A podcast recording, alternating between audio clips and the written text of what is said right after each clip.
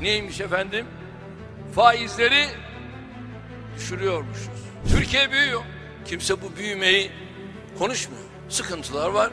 Amerika'ya bakın. Avrupa'ya bakın. Hepsinde durum bir felaket. AKP'li Cumhurbaşkanı Recep Tayyip Erdoğan batan ülke ekonomisine geçen ay Milli Güvenlik Kurulu ile müdahale etmek istedi. Yeni ekonomi modeli MGK bildirisiyle duyuruldu. Önce Çin modeli, sonra Kore modeli denildi.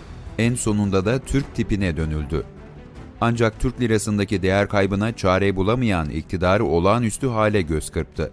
Ekmek bulamayan halka o hal sopası gösterildi.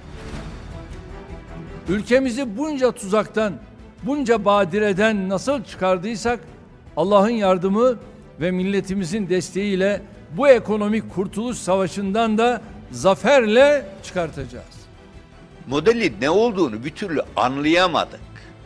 Siyasetin gündemini ekonomi belirlerken Cumhurbaşkanı Erdoğan sürpriz bir toplantıya ev sahipliği yaptı. Değerli izleyenler Gözler İstanbul'daki ekonomi zirvesinde demiştik. Cumhurbaşkanı bir ekonomi zirvesi yapıyor ama ben asıl size Hazine ve Maliye Bakanı'nın bu açıklamalarını sormak istiyorum. Tüm bu konularda kararları Sayın Cumhurbaşkanı alıyor. Model ne modeli var ortada? Bir model yok ki. 19 yılın hatasından dönüş, dönmeye çalışma çabası ve 6 ayda iyileşme ihtimali bulunmayan sıcak para bulamazsanız bir ekonomiyle karşı karşıyayız. Ünlü ceza hukukçusu Profesör Doktor İzzet Özgenç, Türkiye ekonomisine ilişkin kısa süre önce çok önemli bir açıklama yaptı. Türk lirasındaki değer kaybının ağır ekonomik bunalıma neden olduğunu söyledi. Anayasanın 119. maddesini hatırlattı ve ekonomik o hale hazırlanın dedi.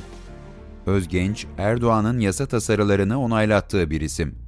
Sarayın hamlelerini önceden öğrenebilme ya da kestirebilme imkanına sahip. Gelen tepkilerin ardından ekonomik o hal açıklaması nedeniyle özür dilemek zorunda kaldı. Gelecek endişelerinin artmasına ve ülkemiz ekonomisinin zarar görmesine sebebiyet verdiysem milletimden özür dilerim dedi olağanüstü hal ilan edilebileceğini dile getirdi. Dev Haber'e konuşan CHP Genel Sekreteri Selin Sayek Böke bu açıklamayı eleştirdi. Bu konuda da herkesi ciddiyete davet ediyorum. Çok teşekkür ederim. Sakın ha öyle bir el uzatma olmasın. Çünkü bu ekonomik buhranı yaratmış olan, bu iktidarın siyasi tercihleriyle kurulmuş olan düzen. Ekonomik o hal uyarısı yapan ilk isim değil Özgenç. Kasım ayındaki MGK bildirisinin hemen ardından ekonomist Emin Çapa bu artık ekonomik o hal demişti. Doların 15'e çeyrek kalmasının ardından da Çapa yeni bir uyarıda bulundu. Bunlar hep fragman, korku filmi daha yeni başlıyor dedi. 2022'nin başı için kıyamet sinyalini verdi. Dolar kuru her 14'e geldiği anda, dokunduğu anda Merkez Bankası müdahale etmeye çalışıyor. Bakın müdahale ediyor demiyorum. Diyorlar müdahale ediyor.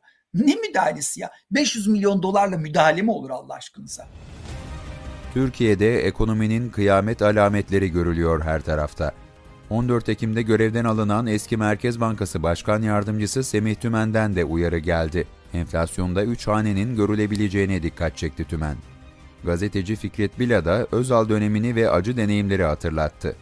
Aslında bu model 12 Eylül'den sonra 24 e, Ocak kararının uygulanması bakımından da Özal'ın ekonominin başında olduğu dönemde uygulanmıştır. Bu ihracata dayalı kalkınma modeli. O zaman da bugün olduğu gibi ihracat ürünlerinin büyük çoğunluğu dışarıdan ithalata bağımlı olduğu için e, bizim ürünlerimiz bir süre sonra e, yine pahalı hale gelmeye başladılar. Eğer öyle bir yolda başvurulursa karşılıksız para basma yoluna giderlerse Türkiye'deki enflasyon yani birkaç yıl içerisinde 300 rakamlara çıkabilir.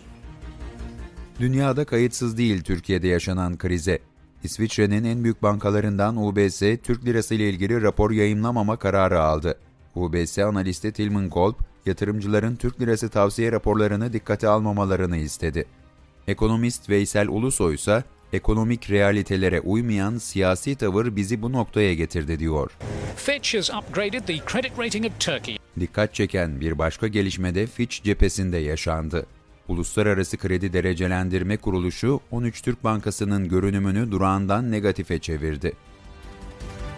Erdoğan yönetiminin ekonomi politikaları nedeniyle Türk lirası Afgan ve Suriye parasına karşı bile değer kaybediyor. Yani Afganistan parasına karşı dahi yani bir insan Afganistan parası tutsa daha çok değer kazanıyor. Suriye savaşta yıllardır.